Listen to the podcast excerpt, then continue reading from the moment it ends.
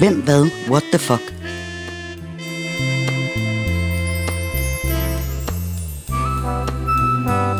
Et nedslag i et legendarisk opslagsværk fra før internettet blev født.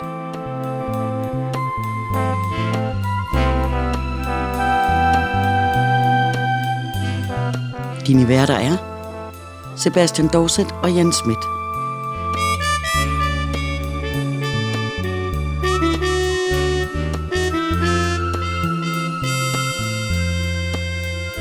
Denne gang er nu 1975.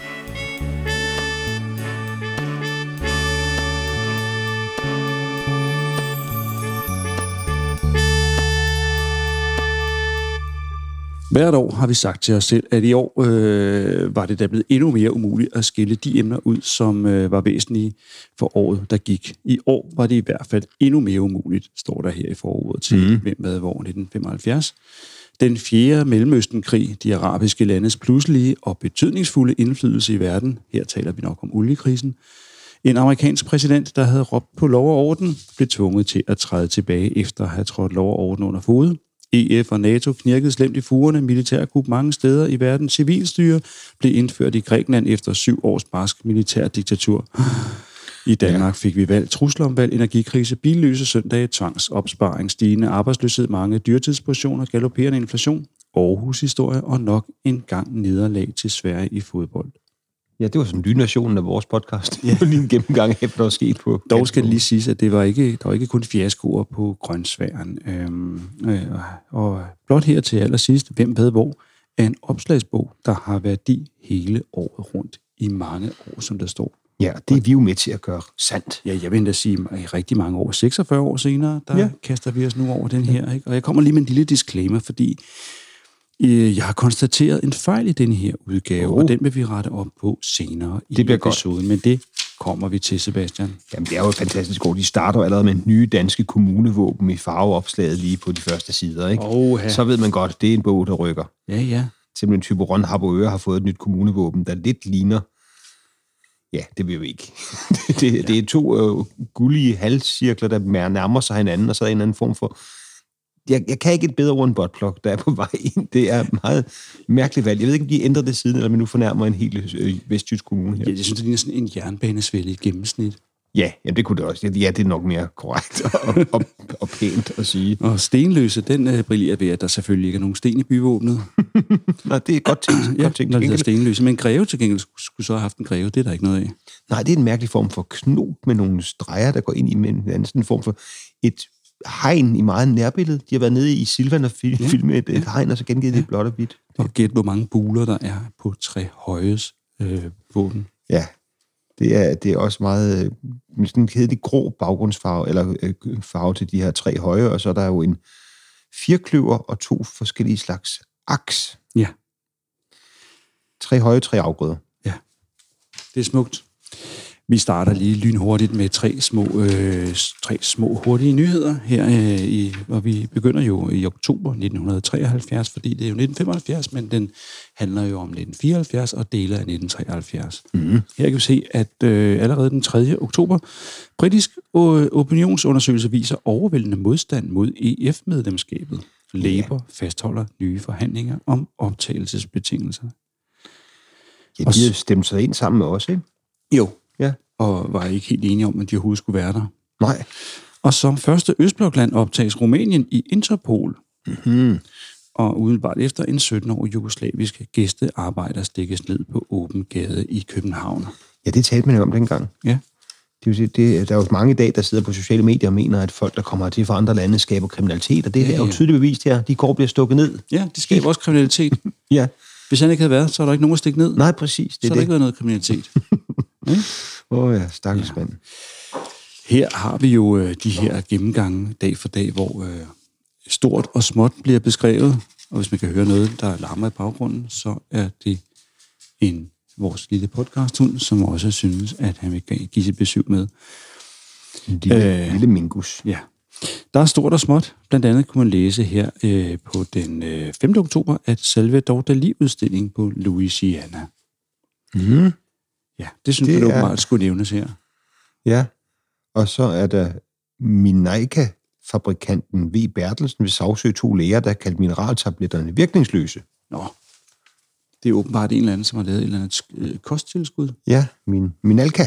Ja. Et, et, et mineraltabletten Minalka. Og ja. den har åbenbart været kritiseret.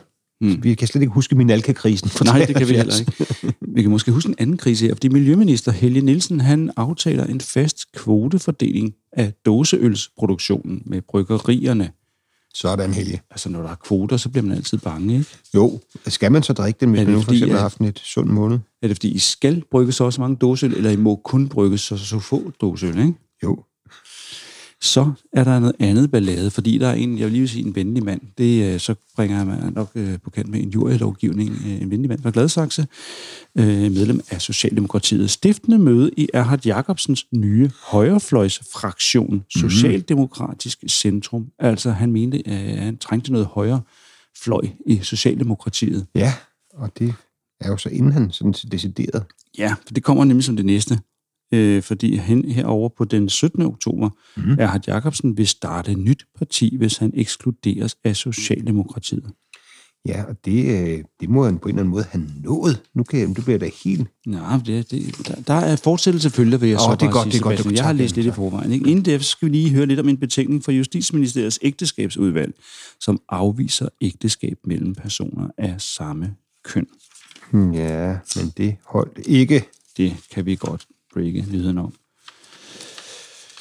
Der sker også lidt hen i udlandet. Øh, Jeg har valgt at slå ned på, at den øh, landflygtige græske komponist Theodorakis, han får lov til at vende tilbage til Grækenland. Og så sker der det, som er meget atypisk herhenne på side 14. Sen på side 14, jeg er simpelthen en tid før. Nej, det er fordi, jeg har sprunget en over, Sebastian. Den vender vi tilbage til lige om Ja. lidt. At øh, det nye uafhængige dagblad Vejle Avis starter. Altså, det er jo fuldstændig uhørt, at Ja, man, det må man sige. Det er, den skulle have været med fed skrift og fremhævning, for det Ja. ja. er godt nok sjældent, altså allerede de år, at, at aviser startede. der er simpelthen øh, point for mod, vil jeg sige. Ja, da vi var unge journaliststuderende, der var der, der en del dagblade, som senere har indstillet skydningen ja. og er blevet til en eller anden form for øh, website, Ja. fælles øh, genereret website, fra, øh, hvor der så sidder en mand, der spreder den samme nyhed over hele landet. Ja, det er rigtigt. Det er rigtigt. Hvis vi lige bladrer tilbage til den side, vi sprang over hen på side 12, øh, så handler det simpelthen om, at øh, den 20. oktober indvidede dronning Elizabeth opera, operahuset i Sydney i Australien. Det var simpelthen der. Ja. Bygningen var tegnet af den danske arkitekt Jørgen Utzon, der dog selv forlod ledelsen af byggeriet efter 10 års forløb efter uenighed om budgettet for opførelsen. Ja, Men bare lige for lige at nævne den lille danske vinkel på det her. det skal man have. Og Ja. ja. det står ser flot ud, at der sejler en båd forbi og sprøjter med vand. Det er åbenbart en særlig australsk tradition for festligholdelse, ja. at man lige fyrer noget vand op i luften. Ja, og ud i vandet. Ja, vi sprøjter noget vand i vandet. ja, præcis. Men der er åbenbart set en brandmand. Der er mere politisk ballade, fordi som vi jo nok kan huske, så blev Socialistisk Folkeparti det blev grundlagt af Axel Larsen, som stak af fra, det, øh, fra kommunisterne. Ja. Og nu er hævnens time åbenbart kommet, fordi som man kan læse, så er kommunisternes formand Knud Jespersen, han siger, at SF's planer om en strækkefond er tåbelige. Og så er, kommer hævnen Der der. er hævn på venstrefløjen. Ja, det er jo også, hvis man taler om, at det var sjældent, der blev startet aviser, så blev der startet mange partier i de her år, fordi Ja, venstrefløjen nærmest altså celledelte sig i to venstreorienterede kunne ikke være samme lokale uden at fraktionere, havde man indtryk af. Selv Uden at lave tre partier. Nej, præcis. Nå, hvis vi lige går tilbage til øh, side 14, øh, og, øh, så er der en, en lille what the fuck-nyhed her. Opdigtede dødsulykker i radioudsendelse om Lindøværftet af, af programsekretær Erik Thyssen. Den skaber telefonstorm fra ængstelige pårørende. Og, Det er øh, da også en kæmpe skandale. og det får der også nogle, øh, hvad hedder det, nogle forskellige følger. Man kan se nogle dage efter programsekretær Erik Thyssen fritages for tjeneste, står der. Og så lovede jeg, at vi ville få noget mere om ham der, den glade mand fra Gladsaxe. Ja, Der står, Erik Erhard Jacobsen melder sig ud af Socialdemokratiet.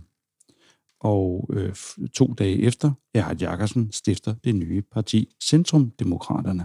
gud, han er da rykket voldsomt hurtigt, var? Ja. Og så i øvrigt øh, vekselerfirmaet G.I. Mikkelsen og Co. stanser betalingerne samme dag, som jeg er har startet Centrumdemokraterne, men ikke relateret. Nej, forhåbentlig ikke. Øhm, og så er der også en lille kuriositet med, hvor jeg Jacobsen igen får bragt sig i centrum helt i centrum, fordi øh, det er så henne på den 8. Mm. november. Regeringen udskriver valg efter stemmelighed i kampafstemning ja. om øh, udskrivningslovene. Jeg ved ikke, hvad de love går ud på, men det handler simpelthen om, at man manglede Erhard Jacobsens stemme, og Erhard Jacobsen, han udeblev ved et teknisk uheld. Hans bil kørte tør for benzin, og ja. han nåede simpelthen ikke frem til afstemningen. Ja, det er det, han sagde, men det kan jo også være en mand, der har haft en skuffeplan om det her centrumdemokratiske parti i nu. Ja, ja. ja nu, nu sidder vi bare og påstår ting. Konspirationsteorierne vælger ud i æderen, Ja, fuldstændig ja. uhindret. Og så handler det her jo, som vi talte om indledningen, det handler om oliekrisen. Ikke? Fordi for første gang brugte araberne olien som våben i en konfliktsituation, og det handlede simpelthen om, at øh, de store vestlige industrilande, som øh, med Japan og USA i spidsen, at øh, de blev truet med, eller blev udsat for en olieblokade, fordi hvis de ikke støttede det arabiske synspunkt i krigen med, mod Israel i Mellemøsten. Ja, det er simpelthen mellemøstkonflikten, der pressede ja. de også på, Ja. på olien. Og så var Ja. det, vi i Danmark gjorde det meget danske. Hvordan løser det? Vi indfører bilfri søndag. Ja, det er rigtigt. Og det var, det kan jeg godt huske, det der med, at der pludselig ikke måtte køre nogen biler, så gik alle rundt på vejen og tænkte, kører der slet ikke nogen biler her? Nej, det er der er ikke noget at se på. Nej. det var en attraktion, man kunne bare rende rundt og spille bold på vejen. skandalen om den her øh, radioudsendelse med de fingerede dødsfald, den får, øh, en, øh, den har- får nogle afstikker her. 23 forfattere bakker Erik Thysen op i radiosagen. Og så er der et par dage efter, eller dagen efter faktisk, en svensk afstikker, som fortæller lidt om, hvorfor det hele ikke, hvorfor det ikke måske var sådan en god idé øh, mm. med ham der, Erik Thysen. Svensk radioudsendelse om fingeret katastrofe på atomkraftværk opskræmmer Sydsverige og mange i København. Ja, det er jo ligesom, øh, Orson Welles. der lavede kludernes kamp, som Ja. om det var noget, der foregik. Altså han afbryder sin egen radioudsendelse, nu er der landet, og, og folk førte simpelthen, altså flygtede fra storbyerne i deres biler, der var trafikpropper, folk kom til skade, folk mm. øh, var død nær af angst, og det Ja. ja. har så en eller anden tænkt, det gør vi lige med et atomkraftværk, for vi jo skide godt første gang. Jeg ved ikke, er det det, Erik Thyssen også har gjort? Øh, ja, det er det sikkert, men nu var det Lindø-værftet. Altså det, jeg kan Ja. ikke se, at opdigtede dødsulykker. Nej, at det virker sådan meget konkret. Ja, Øh, og jeg tænker, men når han bliver støttet af forfattere, Ja. det virker da lidt som om, om at det har været radioteateret, eller har det været Ja. det, eller har været en montage, sådan noget øh, øh, faktion øh, ting. det er lidt spændende. Det er sådan noget, man, altså det er det gode ved det her øh, dejlige, dejlige øh, værk, at man Mm. får lyst til at dykke lidt ned i fortiden. Finde ud af, hvad skete der med Erik Ja. Thyssen? Ja, hvad skete der egentlig? Nu nævnte du øh, oliekrisen, bilfri søndag, og, og netop den her oliekrise, den øh, ramte jo hele den vestlige verden på et meget, meget ømt punkt, og gav os nærmest øh, tilstande som fra besættelsen. Sortbørs og voldsomme prisstigninger præger øh, petroleumsmarkedet, kan man læse, og samtidig med så læse, at 11 EDB-medarbejdere på Danmarks Tekniske Højskole går i strække for at opnå forhandlingsret for deres organisation Prosa. Og det er altså 11 EDB-medarbejdere. Det er nok, de har nok dækket markedet fuldstændig med de Det, 11 var der. helt, det var alle Danmarks øh, EDB-medarbejdere. Det er også meget dansk, ikke? Når der er to venstreorienterede lokale, starter de hver sit parti. Når der er 11 EDB-medarbejdere, starter en fagforening. det er så fint. nu taler vi om, at, øh, at Grækenland oplevede, at øh, de vendte tilbage til en eller anden form for demokrati, men der, det var ikke helt uden ballade, og det kan vi også læse her. Udenrigsminister K.P. Andersen fordømmer i officiel udtalelse de seneste tids masse arrestationer og nedskydninger i Grækenland. Det er dramatiske tider. Og det ledte også op til, at der dagen efter dag, øh, militærkup i Grækenland. Præsident Papadopoulos styrtes øh, af en ny militærjunta. Civil regering dannes. Fedon Gitski bliver præsident. Det var et godt navn. Ja. Ja. Fedan Giskis.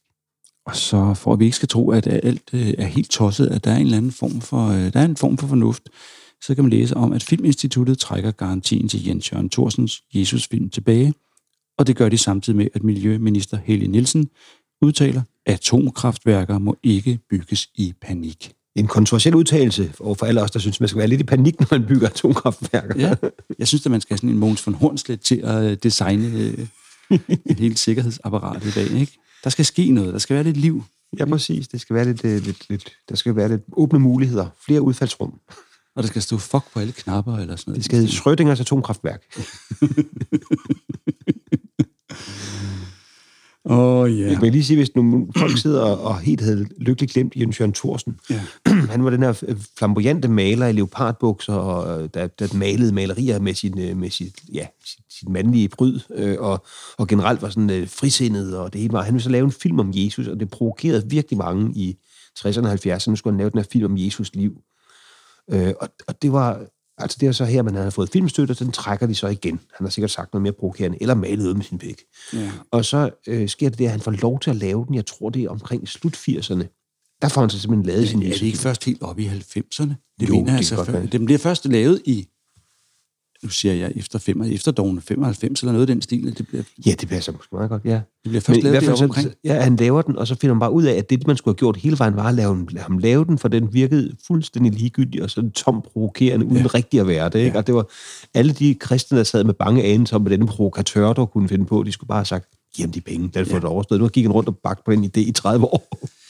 Ja, det kan så sige, at hvis han havde fået lov at lave den her i midten af 70'erne, havde den nok skabt større furore. Altså selvom han havde lavet en, en latterlig dårlig film, hvor der var nogle kvinder, der rendte rundt uden øh, tøj på kroppen, og en Jesus-figur, som rendte rundt og var Ja. ja. øh, mere eller mindre almindelig, øh, drevet af, af normale menneskelige lyster. Her, da, den, da han lavede den op i 90'erne, så var der jo kæmpe medielarmer, der var alt muligt, øh, den kunne drukne i. Ja. Blandt andet havde internettet også så småt gjort til den to, ikke? I den grad, ja. Så der var mange ting, at den, øh, der ligesom kunne, øh, som den skulle, øh, meget støj, som den skulle kæmpe mod. Det er rigtigt. Men der var lidt mere, altså kristendommen var ligesom lidt mere fremherskende her tilbage i 70'erne. Man fik også i Norge forbudt Life of Brian, da den kom frem Ja. fire, fire år senere. Ja. Og det var, altså, hvor man også tænker i dag, det er jo en satirisk film, er ikke et ramaskrig, eller hvad, hvis nogen havde sagt, den, den kan vi ikke vise. Ja.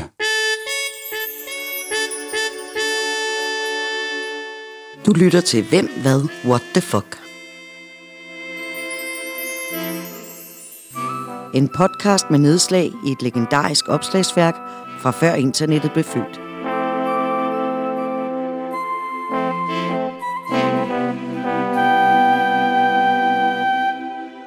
Vi får lidt mere smånyt, inden vi kører videre. Den israelske telekinetiske fænomen Uri Geller bøjer metal i tv. Ja, yeah, det er også igen et 70'er-fænomen. Er det ikke det? Jo, det er Apropos folk, der havde et trick og blev med at køre det i mange årtier. Ja. Han kom i fjernsynet, og så sad med en ske, og så bøjede han den sådan med sankens kraft, som han sagde. Ja. Og det er vist det der med, at det skal bare varmes en lille bit smule op, så kan man selv bøje sig en ske. Det er, vi anbefaler ikke, at man prøver, men det er vist ikke så umuligt, som Uri Geller gerne vil have til at fremstå. Nej, jeg tror, det er, jeg tror, det er noget med et bestemt metal, som hvis det bliver vådt eller varmt eller fugtigt, så bliver det helt fuldstændig blødt. Ja. Øh, nærmest ligesom kviksøl, øh, uden, uden at have de samme giftige Og han var egenskaber. den her tryllekunstnertype, der så kunne få taget det op, som om det var et, et kæmpe trick. Og Ja. så i virkeligheden så bøjede han bare noget, der var ret nemt at bøje. Ja. Og ikke et ondt ord sagt om Rune Klan og andre. Nej, nej, nej. Det er stærkt underholdende og meget fascinerende. Ja, grunden til, at man griner lidt af Uri Geller og har ham som en reference for, for måske lidt... Øh, det er det der one-trick pony-ting med. Ja. Han gik ind i et, et tv-studie og bøjede ting. Ja, det er det, er, det er sådan, jeg så øh, øh, Joachim B. Olsen gøre det i Godmorgen Danmark med en stegepande. Men det var med rå kraft, der var ikke noget, det var ikke tankens kraft alene, det var viljestyrke og, og muskelkraft. Men det, der var ikke nogen reference til Uri Geller. Nå, vi skal tilbage til det what the fuck, mere what the fuck-agtige. Aalborgs biskop Erik Jensen, han vil have en provsteret til at afgøre, om øh, pastor Frank Nør fra Hirtals, om han må nægte at døbe børn, hvis forældre ikke går i kirke. Ja, der ville ikke blive døbt så mange, hvis det var et kriterium. Ja, det er rigtigt. Og så vender vi tilbage til, øh, hvad hedder det, øh, Vejle Avis, som Ja. vi talte om for lidt siden, fordi det var 1. november, at den så dagens lys, og her tre måneder efter den 31. januar 1974, der, øh, der går avisen simpelthen ind igen. Den er lige ved at lykkes, som der står, men den 31. januar måtte dagbladet lukke. Umiddelbart efter fik øh, medarbejderne tildelt Kavlingprisen, den her øh, fornemme journalistpris, ikke for at have lavet afstyrende journalistik, men som der står for at i et forsøg på at forny den dagbladstruktur, som har sit udgangspunkt i den politiske udvikling i sidste halvdel af 1800-tallet. Ja, Det var fremsynet det var det, ja. at Og give det, en var, Kavlingpris på det. de holdt tre måneder. Ja. Det er jo synd, men det er jo også, Ja. ja. det er jo rigtigt, det er jo, øh, det er jo prisværdigt at forsøge at gøre noget nyt inden for journalistikken, øh, og det er jo gjort mange gange siden heldigvis. Men man kan så også sige, at at det siger, det er lige ved at lykkes, det synes jeg også, hvordan definerer man det? Altså, Ja, ja. er det nu, du siger, har et bilag mere, så har vi kørt frem til årtusindskiftet? Vi skulle have solgt fire abonnementer mere, ja, så, havde, så havde den kørt igennem, så havde man... Øh, ja, den er også grov. Jeg kigger på dig, Grete, på tårnvænget. Ja, ja. tårnvænget 14. hvis du ikke havde sagt det op, Ja. hvis du ikke havde delt avisen med naboen, så ja, vi bliver i den lidt alvorlige øh, genre. Øh, En undersøgelse på Danmarks Tekniske Højskole viser øget kræftrisiko fra radioaktiv stråling i lukkede rum i betonbyggerier. Meget konkret. Ja. Men det kan jeg da huske, at det var da noget, som, øh, som virkelig, øh, hvad hedder det, fik spalteplads på det tidspunkt. Altså hvor, man virkelig, hvor der øh, opstod mange nye øh, boligbyggerier af, af det her betonelementbyggeri, og hvor det jo var lukkede betonkasser, og hvor man så talte om, at, at det her det afgav altså noget radioaktiv stråling. Ja, Hvor meget det var, eller hvordan, og hvor meget af det, der eventuelt ville kunne klares med udluftning, det nævner historien ikke nej, om. det er smartere med et forbud. Ja. Og det er virkelig, øh, det er virkelig, vi er tilbage her, for der er, der er nyt i Erik Thysengate. Ja. Ham her, radiomanden, der Ja, er noget om det. Radiorådet følger driftsledelsen beslutning om, at programsekretær Erik Thyssen ikke skal fastansættes. Ja. Ja. Det var noget af en straf. Ja. Ja. Altså, det lyder ikke af meget i dag, men at ikke blive fastansat i Danmarks Radio dengang, ja, det ikke blive livstidsansat var ja. lidt en form for... Ja. det var, så fik man hæftet et stigma til sig. ja. Der skete andre ting i radioen dengang. For eksempel radiorådsmedlemmet, det er jo det, der i dag vil være DR's bestyrelse, mm. Eva Hemmer Hansen, hun har sat en stopper for de såkaldte Aarhus-historier.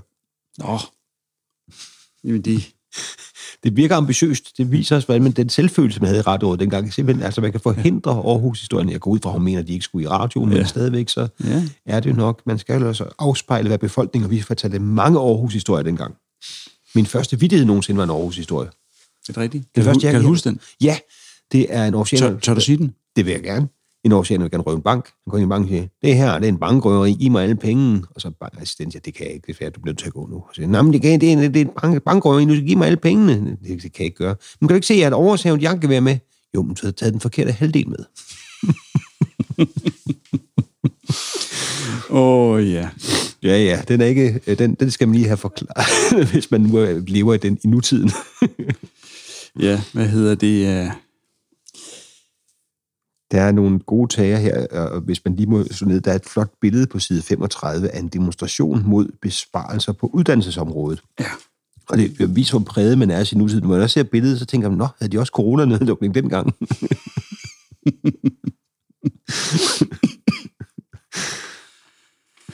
Ja, hvis det ikke var så tragisk, så var det morsomt. Det samme kan man sige om den japanske løjtnant Onoda. Fordi øh, det, der så sker henne den, øh, henne den 11.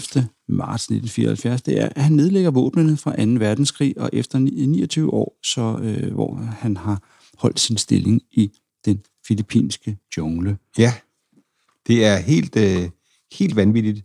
Men, men det er sandt, han sad simpelthen derude i junglen og, og nægtede at tro, at krigen var slut, og de måtte simpelthen sejle folk over ja. Ja. og fortælle ham, der skulle komme sådan en, en japansk general med alt muligt sildesalat og sige, den er god nok, vi er ja. altså færdige. Du, ja. Ja. du, er, du, er, du er nogle 20 år for sent, 29 år for sent på den. Har du ikke fået den mail? ja, præcis. Ej, der er også noget ja. Ja. kommunikation, men altså, det var noget med, at han ja. prøvede at værve andre til ligesom at beskytte den her ø, han skulle forsvare en mand.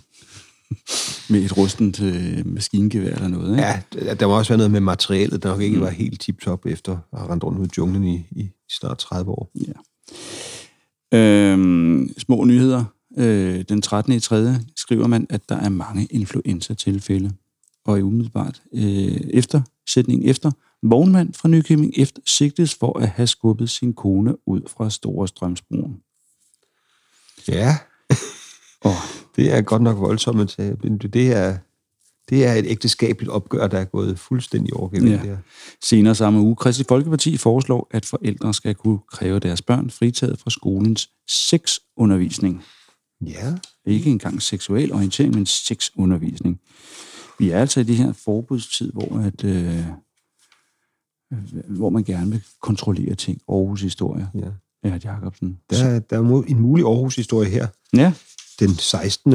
Ja. Kvinde dømt til skatte efterbetaling at aflevere legal mødrende arv på 700.000 kroner, efter hun selv havde anmeldt moderens sorte formue på 2,3 millioner til skattevæsenet. Ja. Det Ja. skal man ikke gøre. Nej, det havde været... Men altså, det... Så viste det sig, at der betale skat af det på et tidspunkt. Det er også årene, hvor, hvad kan man sige, systemerne, de står sin prøve øh, hen på side 44, den, øh, den 27. Øh, 27. marts. Forældre til en seksårig pige, der var opgivet af lægerne og nu behandles med naturmedicin, de kræver ved landsretten adgang til at se sygejournalerne. Hospitalet og Sundhedsstyrelsen nægter. Nej, hvor mærkeligt. Ja. Jeg tror, vi kommer lidt tilbage til den senere. Okay, hvor- det må vi følge op på. Der er nogle øh, linjer, vi trækker her. Ja. Ja. Øh, og hvis vi bladrer lidt frem, så kan man se, at øh, 3. april Hilmar Bavnsgaard, den danske befolkning må til ny EF-afstemning, hvis Storbritannien går. Det Okay. skal de ikke sige højt i dag, var. Nej, for søren da. Det var... Eller afhængig af, om man synes, det er fedt eller ikke fedt at skulle have sit pas med, hvis man skal ned og hente dåseøl over grænsen ved Ortodubo. oh. Men altså, ja, det er lidt sjovt at se det her, fordi at, øh, det, jeg havde fuldstændig glemt alt om det der. Jeg føler mig undskyld efter, at jeg på det her tidspunkt har været øh, tre år gammel. Men, men øh, jeg kan slet ikke huske, at der også var bøvl med, at England skulle ind i EU. Nej. Altså, vi stemte os jo ind, og så er det sådan, så 1. januar 73, så er vi medlemmer af EU. Sådan er det. Bønderne får tilskud, de bygger altaner alle sammen. Nå, men englænderne åbenbart også, da de skulle ind, stemme sig ind på samme måde, så har de også skændtes om det i overvis med, hvordan de skulle komme ind. Ja, det er, det er øh, rimelig what the fuck. Og, og vi har tidligere i øvrigt talt om, at nogle af de her smånyheder, der gemmer sig en eller anden historie bag, som det kunne være rart at ligesom kende i dybden, eller som bare umiddelbart, når man læser den, så virker den sådan rimelig what the fuck. Ja. Øh, kulturminister Natalie Lind, hun skrinlægger planen om en storkøbenhavnsk landsdelsscene. Ingen støtte til Kai Abrahamsens operette turné. Okay. Så tænker man, hvad er Kai øh, Abrahamsens operette turné? Var det en ting, Det lyder som en, et skuespil, ikke? Jo. I den lidt mere alvorlige, synes jeg, eller lidt tungere ende, forbundet af 1948 opfordrer undervisningsministeren til at skride ind mod den påståede diskrimination af homofile lærere ved skolekommissionernes ansættelsespraksis. Ja, det lyder da også voldsomt, at man ligefrem screenet for, hvad folk øh, var for nogen hjemme i deres eget soveværelse. Eller Ja. hvor nu gør den slags. Og den oplysning står side om side med følgende kraftige protester mod udsendelse om Jesus i børnetv, Jens Jørgen Thorsen har snedet den ind. som man siger.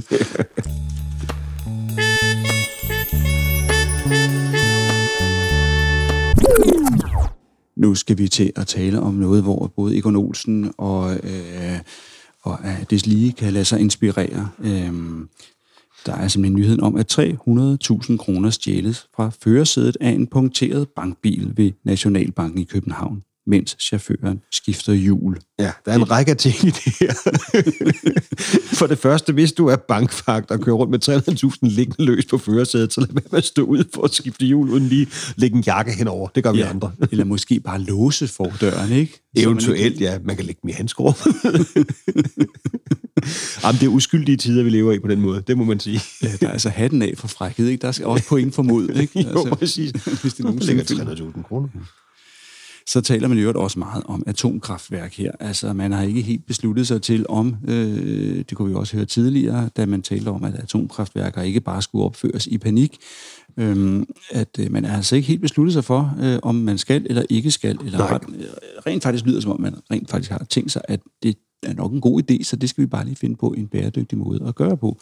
Ja. Der er sådan et Danmarkskort her, hvor der står, hvis vi skal have atomkraftværker i Danmark, er ovennævnte områder foreslået vest for Storebælt af en arbejdsgruppe under Miljøministeriet, som jo så sikkert sidder øst for Storebælt og arbejder. Ja, endnu foreligger ikke placeringsforslag Øst for Storbælt. Det er simpelthen bare tænkt sig, at øh, det skulle ligge over Jylland, det plat Ja. der. Der er et ved Frederikshavn, et over ved Tisted i nærheden af der, så er noget ved Horsens-agtigt område. De har simpelthen lagt det ved Harboøre tænkt, der ligger i forvejen Cheminova. Vi kan så godt bare smække det andet lort oveni. Noget ved Kolding og noget nede ved Svendborg. Ej, øh, eller, Ja. Ny, eller Nyborg og noget dernede. Det er nede omkring, lidt Ja. syd for Nyborg. Lunderskov-agtigt. Ja, Ja, og det er virkelig fantastisk. Jeg tænkte, nej, nej, nej, men det viser en positiv ting. Dengang havde man ikke en stigmatisering eller en falster, som vi har nu. Nej. så havde man jo smækket atomkraftværk op i alle ender af Sydhavsøerne. Men øh, det er virkelig fantastisk. Og jeg vil bare sige, hvis jeg er, øh, stadigvæk lider af ømme ben, så en af placeringerne var ved Gyllingnæs mm. ved Horsens, og der var jeg simpelthen på anti-atomkraftmarsch fra Gyllingnæs til Aarhus for at vise, hvor kort afstand det var til Danmarks næststørste by. Så vade alle hippierne og deres børn ind af landevejen øh, i, i råbekor og fast med sange, og for at vise, at det ville tage tre dage for en atomsky at komme til Aarhus. Hvilket jeg synes var det kontraproduktivt. Allerede dengang så skulle vi ikke gøre det på én dag, hvis det virkelig var så enormt farligt. Men nej, vi gik tre dage og overnattede på skoler. Åh oh, ja, åh oh, ja. Hvad hedder det? Uh... Der er endnu en historie her på den næste side, som øh, giver inspiration til novelleforfattere, som mangler et plot. Øh, en 24-årig dansker idømmes 16 års fængsel ved en nævningeting i Østre Landsret for legemord i 1972 på vesttysk grønthandler i Hamburg på bestilling af dennes kone og hendes danske veninde. Okay. Hvad siger du til det plot, hva', Ja, det er da fuldstændig... Øh, det, er da helt vildt. Altså, det er sådan en legemord. Ja. Og nu talte du om uskylden. Jeg ved godt, uskyld og legemord hænger ikke særlig godt sammen. Hvis man lige går nogle få linjer ned. Øh, alle baserende kriminalsager i Hillerød til indegjort ved påsat brand i byens kriminalret. Vi brænder bare retten af, så har de ikke nogen sag mod mig. Hvilken sag? Jeg har ikke, øh, jeg har da ikke mødt nogen. Men altså, det er virkelig øh, vildt. 16 års fængsel for ja. legemord. Ja. Og så går man ned til Hamburg og møder en grønthandler. Det virker altså også, når man, altså når jeg hører legemord, så er det sådan noget med chakalen, når man skal omstyrte verdensbegivenhederne og ændre historiens gang for at fjerne en, en korrupt leder, så skyder man en en grønthandler. ja, som stod i vejen for en, en, hans kone og hendes venindens øh, pl- fritidsplaner eller noget. Ja, ja det, det er sikkert med, at han ikke ville give hende en butik, hvor hun kunne sælge møbler, der var hvidmalet, og så blev slået på med kæder, så de var skadet lidt af. Ja, Chevy Chic. På næste side så kommer fortsættelsen på det her forældrepar. De taber landsretssagen mod Indrigsministeriet, Sundhedsstyrelsen og Rigshospitalet om udlevering af datterens sygejournaler. Retten fastslår simpelthen, at bestemmelserne om partsoffentlighed ikke gælder i forholdet hospital-patient.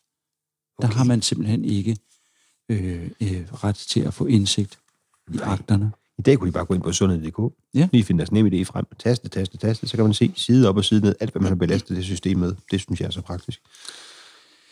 I begyndelsen af den her episode, der øh, lovede jeg, at vi ville komme ind på at rette en fejl. Der er, øh, der er simpelthen faldet noget ud af den her udgave. Jeg tror, at redaktøren har haft lidt for travlt i al sin øh, selvfedme okay. Okay. hvor dejligt det er.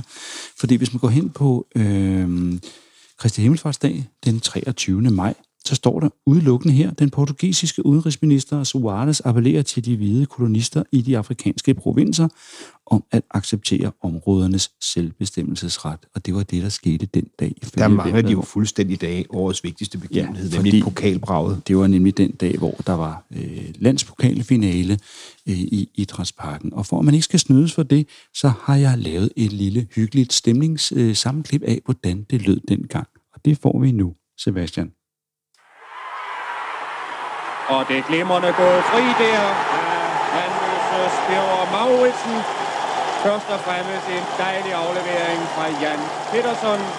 Godt gået fri af Bjørn Mauritsen, nummer 8, som skjuler sig nede mellem sine medspillere. Efter 33 minutter spil, 1-0 til Vandløser. Ja, dejlig langskud, godt taget chancen, vil jeg sige, af Robert Olsen. Og efter 43 minutter i første halvleg er stillingen 1-1. Husk det nu, ikke? Men vi har det nu, og vi må benytte os af det. Og pas på dernede selvfølgelig stadigvæk, men øh, spil, spil, når I har det. Og det er OB's fjerde hjørnespark. Det samme har Vandløse haft. Det var i første halvleg. Preben Knudsen sparker. Og jeg tror, det var Niels Møller Christensen, der scorede efter bare halvandet minut spil af anden halvleg. Og et nyt langt indkast fra Bostrøm. Petersen, glimrende mål. Og træffeligt dirigeret hovedstød der af Bjarne Petersen på Bostrøms lige så udmærket set indkast. 2-2 efter 11 minutter i anden halvleg. Tommy Christiansen.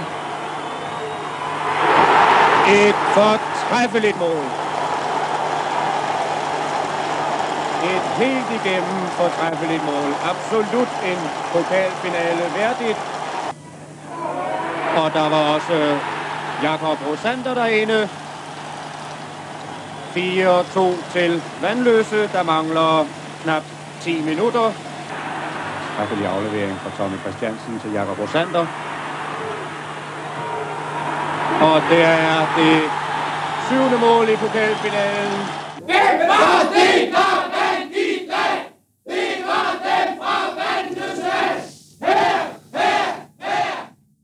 Jamen, er det ikke stemningsfuldt, Ah, det er så smukt. Og et eller andet sted, så kan man godt lide den kommentering der. Er det Svend Gers? vi Ja, det er- hører? det er Selveste Svend Gers. Og den der ro, den der også, der er scoret ja. på hjørnespark, han tager sig lidt tid til at tænke, "Gem, hvem, hvem det egentlig var. Ja. Det må være ham og ham. Ja. Og så øh, ikke noget med at råbe op.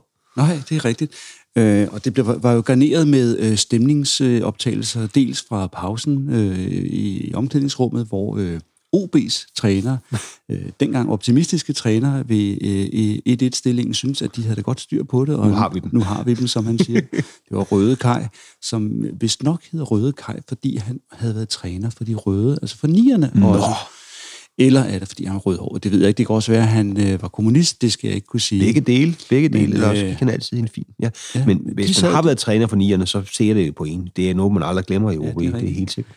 Og så også øh, kampråbet fra Vandløses omklædningsrum efter kampen. Ikke? Ej, men det er så fint. Der siger der en dag syv gode mål. Ja, og det var jo øh, ikke ligesom øh, andre, til andre finaler, som bliver af, afgjort inden ved straffespark, eller ved en eller anden øh, snottet øh, et, et, et, et 1-0 sejr efter Nej, nej. straffespark. sådan. 5-2. Ja, det var virkelig, der var drama, og, og nu er der så blevet bragt, bragt balance i det regnskab, hvem hvad hvor, ikke? Sådan, ja. Og jeg synes også, at det var på tide, at det blev nævnt. Ja. Vi haster lidt videre til at tale om... Øh, ja. Du ved, man, har, man taler tit, tænker jeg på, det er derfor, jeg har taget den næste med, øh, man taler tit om, at, øh, at øh, de der nazistiske krigsforbrydere, de flygtede altid til de her, øh, hvad hedder det, sydamerikanske stater, som, hvor der altid var husly blandt en eller anden, hos en eller anden diktator. Og det kan godt være, at nogen synes, at det er måske lidt uretfærdigt, men her er der en lille nyhed, som øh, ligesom øh, berettiger til den indstilling. Fordi man kan læse, at Chiles militærjunta, øh, som de har altså udnævnt den eftersøgte nazistiske krigsforbryder Walter Rauf til efterretningschef. Vi har da et job til dig, Walter, ikke? Hvis du ikke... Han havde så gode erfaringer fra et andet sted, et andet nation, som lige kunne sige, kan vi ikke bruge de erfaringer her, hvis vi også kunne få brug for nogle lejre, så ved jeg også, du har noget, noget indsigt der. Ej, hvor er det vanvittigt. Ja, ikke? Og så er der jo altså Altid. også en lille nyhed her nede fra den øh, 29. juni. Mm. Venstres Ungdom kræver ØD indført. Ja. Og det er jo måske også noget, der skal oversættes til nutidens øre. Der er ligesom blevet pipet lidt om det igen. Det økonomisk demokrati, altså Ja. ja. sådan, at, at arbejderne for en fabrik, de også har en del af den, ligesom at det, det er kooperativ på en eller anden ja. måde, så man deler ud af overskud til den, der skaber det, som det hed dengang. Men det er meget interessant, at Venstres Ungdom er. Det siger også noget om tidsånden. Så de får ikke kun motivationsmæssigt ejerskab for udviklingen for jobbet, de får simpelthen også øh, altså økonomisk glæde af at ja. Ligesom tage ejerskab for, at den her virksomhed den går godt, så vi giver den lige en skalle mere alle sammen for. Vi deles om det, fordi Ja. vi, er, vi, vi er demokrati her. Ja, vi bladrer et par gange hen på side 67 til en af de lidt mindre fodboldbegivenheder. Den 7. juli afsluttedes fodbold-VM 1974 med finale på Münchens olympiske stadion mellem Vesttyskland og Holland. Vesttyskerne blev verdensmestre ved at vinde med 2-1. Øh, og så er der et billede af Johan Neskens, som bringer Holland foran 1-0 på straffespark i kampens start, som der står. Ja, hvor det er Sepp Meier, der er ved at kaste sig der. Ja, som går til den forkerte side. Ja. Og er det Gert Møller, man kan se derovre til højre, eller hvem er det? Og ja, det er det lidt svært at se. Ja. Men det er tysken vandt, og allerede Tysken. der grundlagde det jo i de store år for Tyskland. Gary Liningers berømte Ja. ordsprog om, at fodbold er et enkelt spil, hvor 22 mand spiller i 90 minutter til sidst vinder tyskerne. Ja. Og ja, var det ikke øh, øh, i 66, hvornår var det efter det VM, hvor der var en eller anden øh, meget uretfærdig kamp, hvor England sad på det hele, og så tabte de alligevel til Tyskland. Så i, i, Det har sikkert været der, der, der omkring. Hvor, det kan jeg ikke huske. Der var jeg ikke født. Nej, det, det kan vi heller ikke. Nej.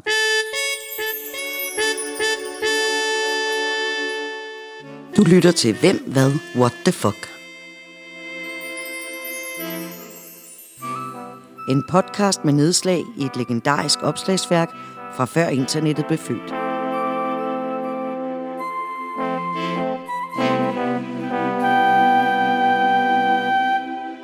Alting er meget nemmere i bagklodskabens uledelige klare skær. Det kunne Erik Honecker også øh, have, have brugt den der visdom, hvor han den 27.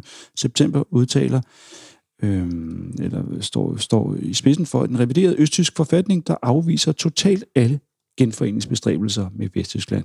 Ja, ja, Honecker, giv det 15 år, ja, det var lidt godt nok ikke Så- mange. så ser det alt meget anderledes ud. Moderne, uofficiel friluftskunstudstilling gennemført gnidningsløst i Moskva.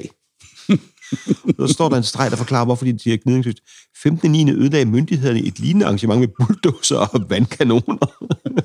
det er det, man kalder kritik. Ja. Det, det er kunstkritik, Det er det er kunstkritik, allermest ja. konkret. Bliver man kørt over af bulldozer.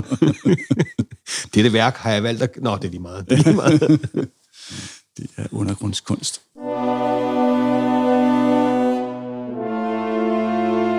Vi skal tale om nogle af årets døde i Danmark. ja.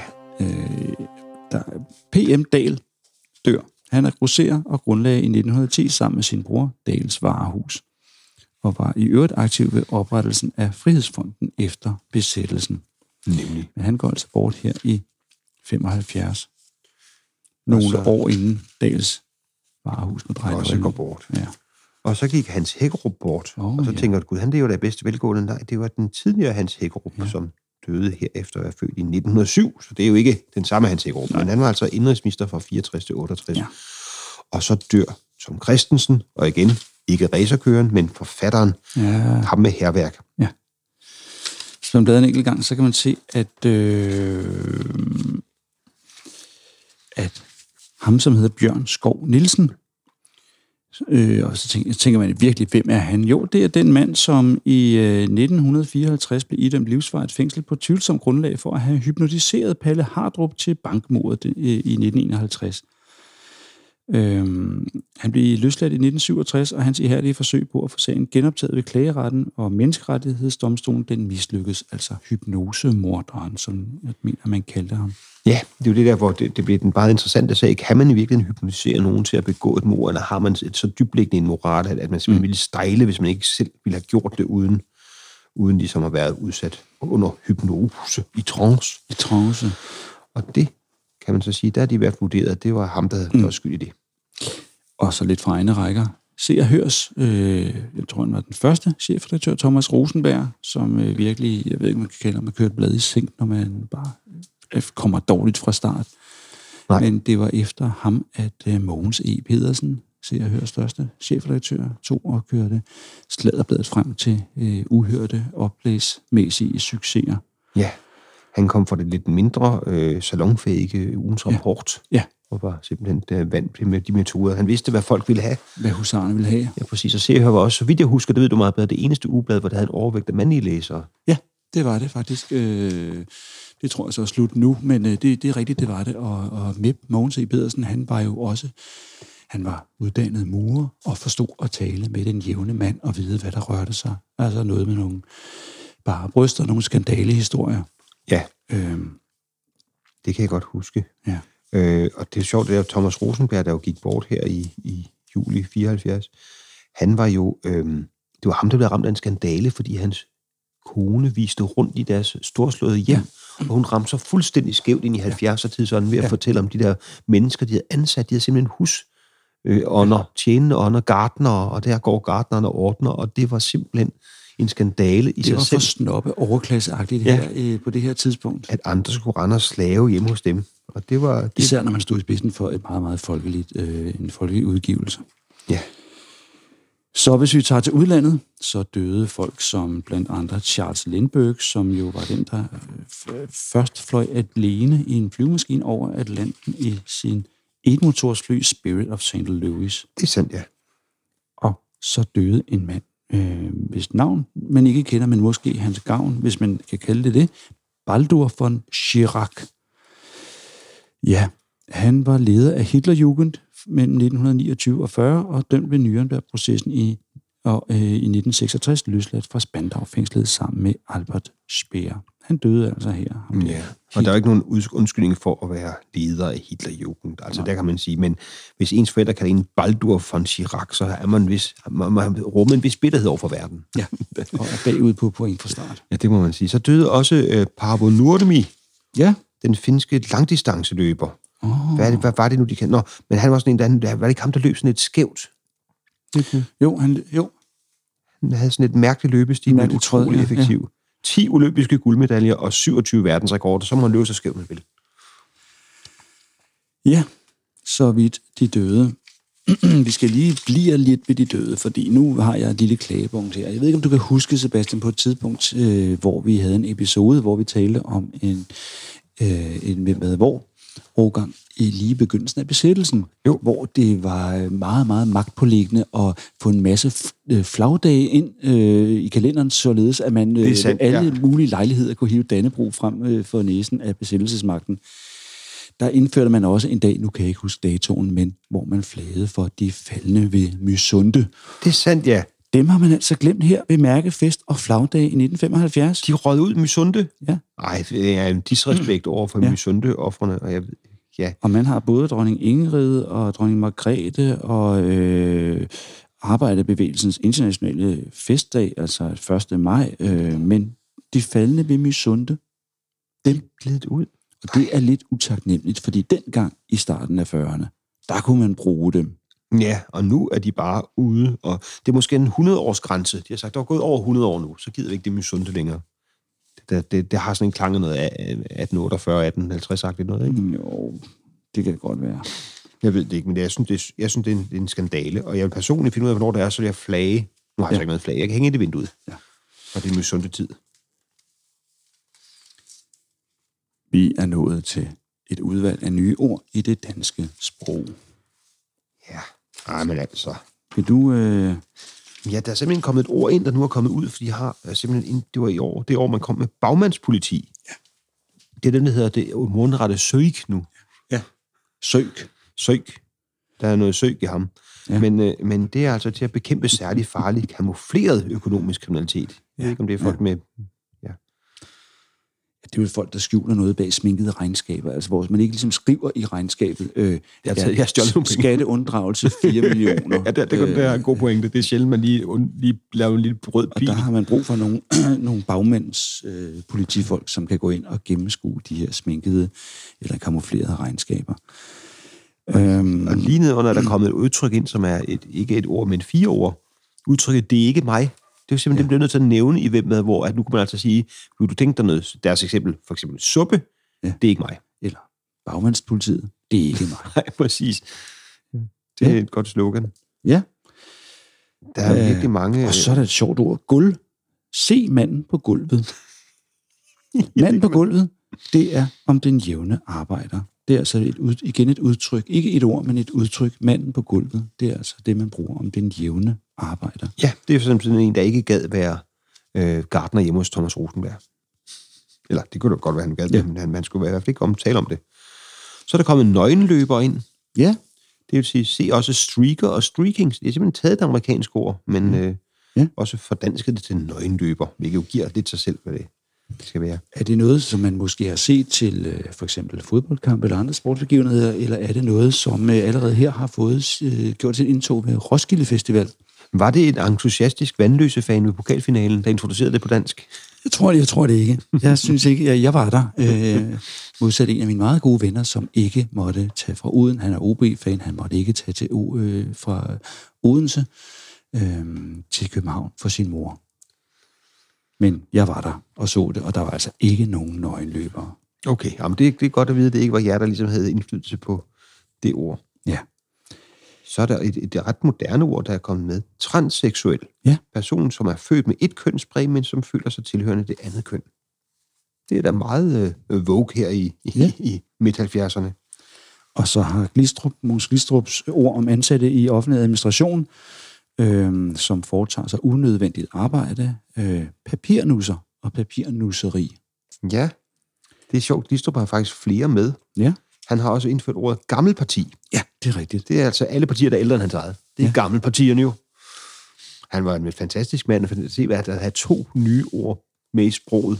Ja. på et år. Det er altså Og det imponerende. kommer jo også lige i halen af Fremskridspartiets jordskredsvalg her, øh, Ja. hvor man må sige, at øh, Glistrup må være fremme på alles læber hele tiden. Det er fuldstændig rigtigt. Han har jo virkelig... Øh, han har virkelig fået, fået, fået indtryk i det, for jeg synes også, der var et... Jo, nulindkomst. Ja. Skattepligtig indkomst på 0. Det er jo sådan set også Glistrup, der startede. Fordi Han, han viste, at han havde en trækprocent på 0.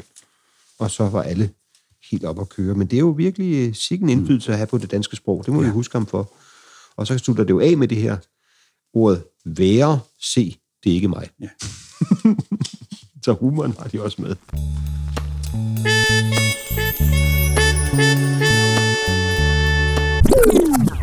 Vi går hen på side 464, hvor vi skal på besøg på Mekanisk Musikmuseum.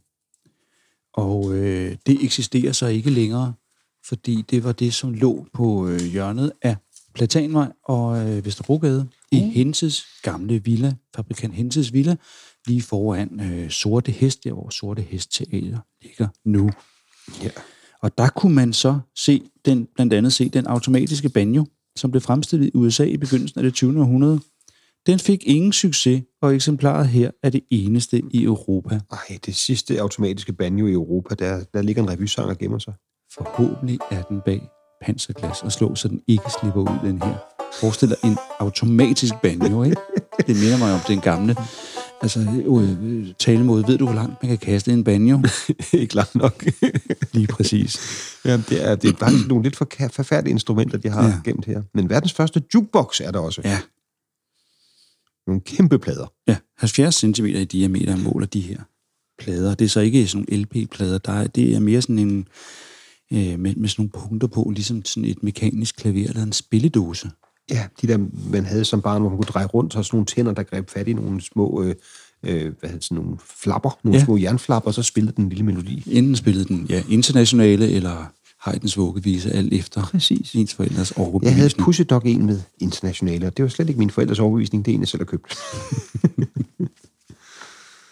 ja. Petersen, glimrende mål. Og træffeligt dirigeret hovedstød der af Bjarne Petersen på Bostrøms lige så udmærket sete indkast.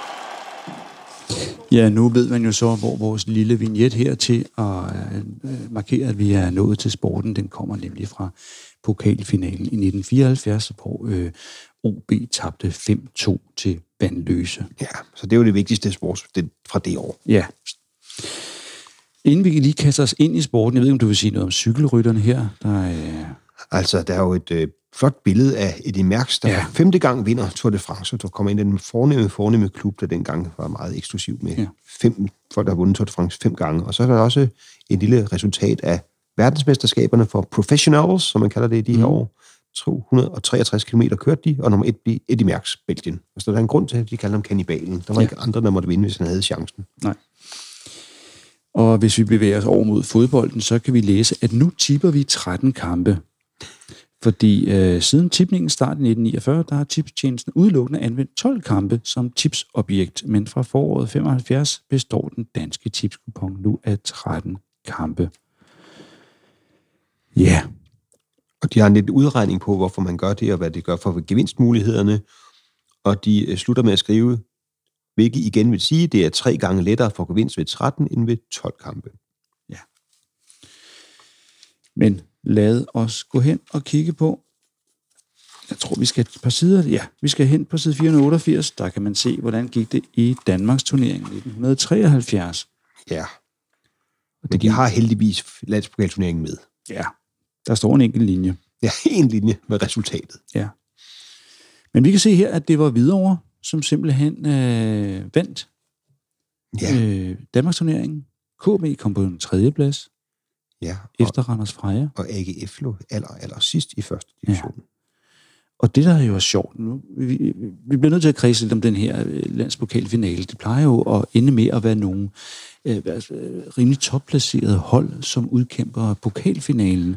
Det må man sige. OB, de ligger simpelthen nummer tre i anden division, og Vandløse lå simpelthen, bum bum bum, de lå øh, på førstepladsen godt nok i tredje division. Det vil sige, det var et hold fra året før, som lå i tredje og henholdsvis anden division. Jeg mener, begge to lå i anden division, øh, mens de spillede pokalfinale. Ja, Så det var simpelthen en anden divisionshold, der gik hen og vandt pokalfinalen. Og, imponerende. og det skal lige siges, jeg mener, i semifinalen, der slog Vandløse, altså KB. Ja, det kan meget vel være. Ja. Men det er også imponerende, fordi man snakker meget om de her pokaloverraskelser, og de der sensationshold, der kommer. Vi kan alle sammen huske, hvor et eller andet hold har slået en stor klub, men de, det er sjældent, de når hele vejen og vinder finalen. Så det der med, at jeg tror, anden divisionshold, der, der vinder, det ser man altså ikke så meget længere. Nej. Det. Og nu taler vi om øh, hvad, målrige versus målfattige pokalopgør. Hvis man lige bladrer en gang, så kan man se, at Danmarksmesterskaberne for kvinder, øh, de bliver altså vundet af Ribe, som i finalen vandt over Stjernen med 1-0. Det har været altså en, på mange år, i hvert fald på mål, øh, hvad kan man sige, tavle, i måltavleperspektiv har det været en kedelig øh, finale, synes jeg. De har også, de fitter ikke med, med sporten her, det må man sige. Men altså, de har da trods alt lidt landskampe med, Ja. og så har de prøvet på en eller anden måde at lave en opstilling, så man kan se, hvem der har scoret kampene. Ja. Og der kan man så se, at en af målscorerne er Bjarne Pettersson. Åh, oh, ja, ja. ulandskampene. Ja.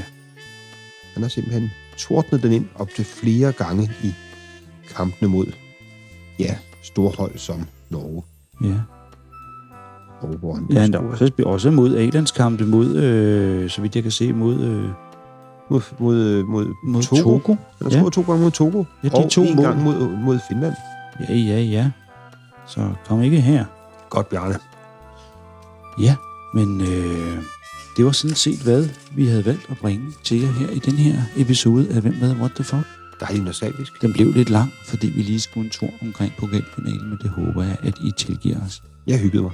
Jeg hyggede mig også, Sebastian, og jeg glæder mig til at hygge mig med dig næste gang. Yeah.